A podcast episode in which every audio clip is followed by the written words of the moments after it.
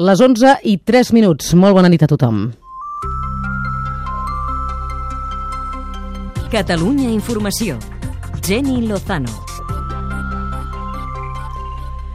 Doncs us ho dèiem en titulars, falta poc menys d'una hora perquè Croàcia es converteixi en membre de ple dret de la Unió Europea. Comencen, però, ja les celebracions a la capital croata, a Zagreb, per l'ingrés de Croàcia a l'Europa comunitària, que es farà efectiu, com dèiem, aquesta mateixa mitjanit amb la presència d'una quinzena de caps d'estat i de govern europeus.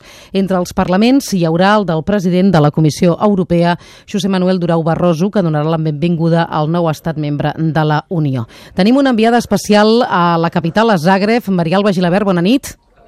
Hola, bona nit. Fa només uns segons que ha començat, de fet, la part oficial d'aquesta cerimònia, d'aquesta celebració, que fa hores que, de fet, ha començat a nivell popular, però que a partir d'ara adquireix un caire molt més seriós. Han arribat eh, les autoritats que participaven en un sopar de gala en un palau pròxim al Parlament. Són en una tribuna on la primera fila s'ha reservat als caps d'estat i de govern assistents i la segona, a partir de la segona, altres càrrecs, com per exemple la vicepresidenta del govern espanyol.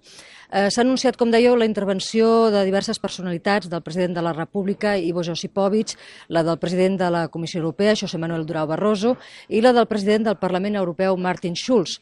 El, aquest, aquesta part de la celebració que us dèiem ha començat ara a les 11 en punt, s'ha iniciat amb una interpretació per part d'un tenor de l'himne nacional i ara estan oferint un seguit eh, de balls folclòrics típics de diverses regions del país.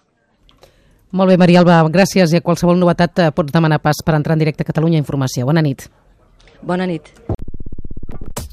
Projecte Explica Europa a Europa amb el suport de la Comissió Europea.